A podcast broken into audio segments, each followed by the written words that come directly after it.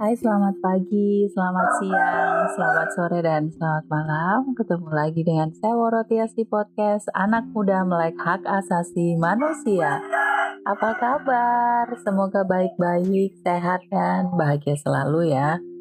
Nah, ini adalah hari ke-21 yang saya pasti akan terlambat upload di tantangan 30 hari bersuara dari thepodcasters.id. Hari ini tema yang ditentukan mengenai pengakuan.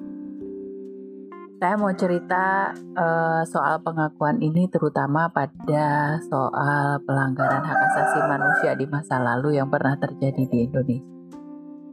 Jadi kalau di luar konteks hak asasi manusia, setiap orang sebenarnya butuh pengakuan. Entah pengakuan terhadap sesuatu yang baik terutama itu ya mana mau orang kemudian diakui bahwa dia buruk, dia jahat dan sebagainya. Nah, begitupun dengan Indonesia. Dalam banyak kasus pelanggaran HAM yang ada di Indonesia, Indonesia seakan enggan untuk mengakui itu. Terutama pada kasus-kasus pelanggaran di tahun 65. Di beberapa podcast saya yang kemarin, saya sudah pernah membahas itu.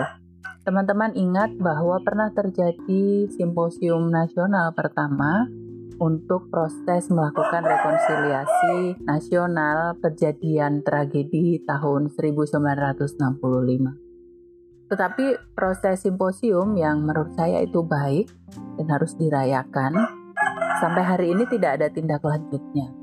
Pun negara tidak pernah mengakui, atau kalau tidak mau dibilang tidak pernah, belum mau mengakui sampai hari ini bahwa telah terjadi pelanggaran hak asasi manusia pada tahun 65. Ada ribuan mungkin orang terbunuh sia-sia tanpa tahu kesalahannya apa. Banyak juga mungkin ratusan ribu orang yang ditahan di penjara tanpa proses peradilan. Sebagai keluarga korban, saya sering bergaul dengan korban-korban yang lain teman bapak saya, teman ibu saya, kakek saya.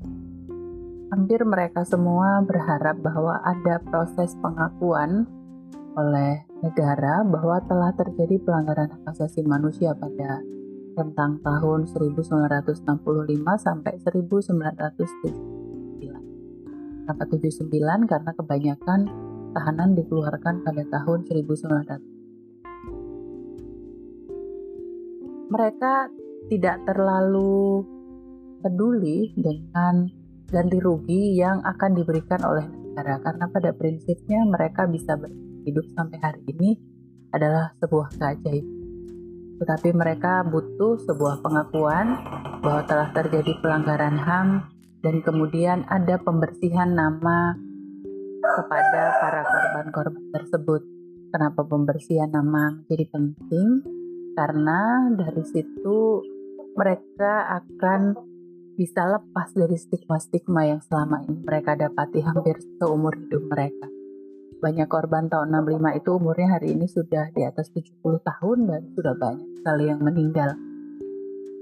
Teman-teman muda, saya sih sangat ingin sekali teman-teman mengeksplor banyak literasi mengenai pelanggaran hak asasi manusia tahun 65 karena itu sudah banyak sekali.